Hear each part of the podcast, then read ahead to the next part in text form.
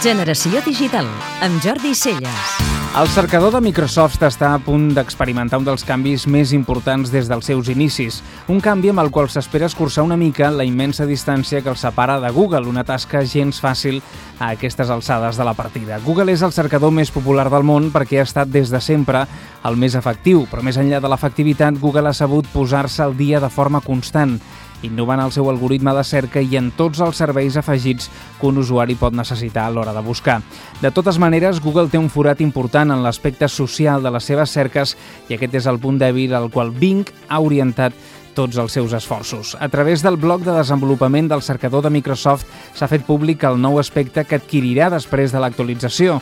El nou format estarà dividit en tres columnes. La primera contindrà els resultats de cerca a l'estil Google. La segona contindrà els continguts extra de la cerca amb mapes o fotografies, també a l'estil Google. I la tercera, l'autèntica revolució, la recerca social.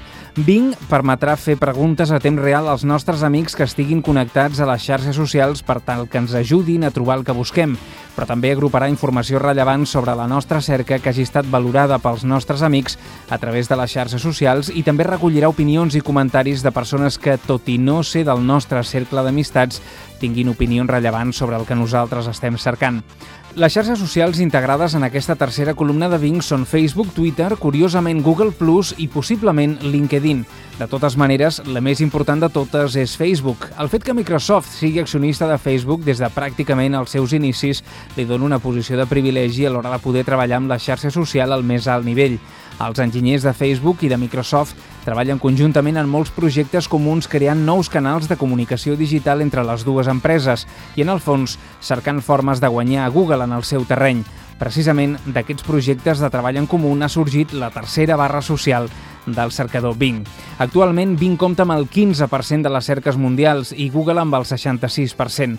La inversió mundial en publicitat digital del 2011 és de prop de 32.000 milions de dòlars, dels quals pràcticament la meitat són publicitat en cercadors. Aquestes xifres espectaculars demostren clarament per què Google és una de les empreses més grans del món i per què alguns dels grans, com Microsoft, porten tant de temps invertint per aconseguir una part del negoci. Podeu escoltar Generació Digital cada dissabte de 4 a 6 de la tarda a Catalunya Ràdio.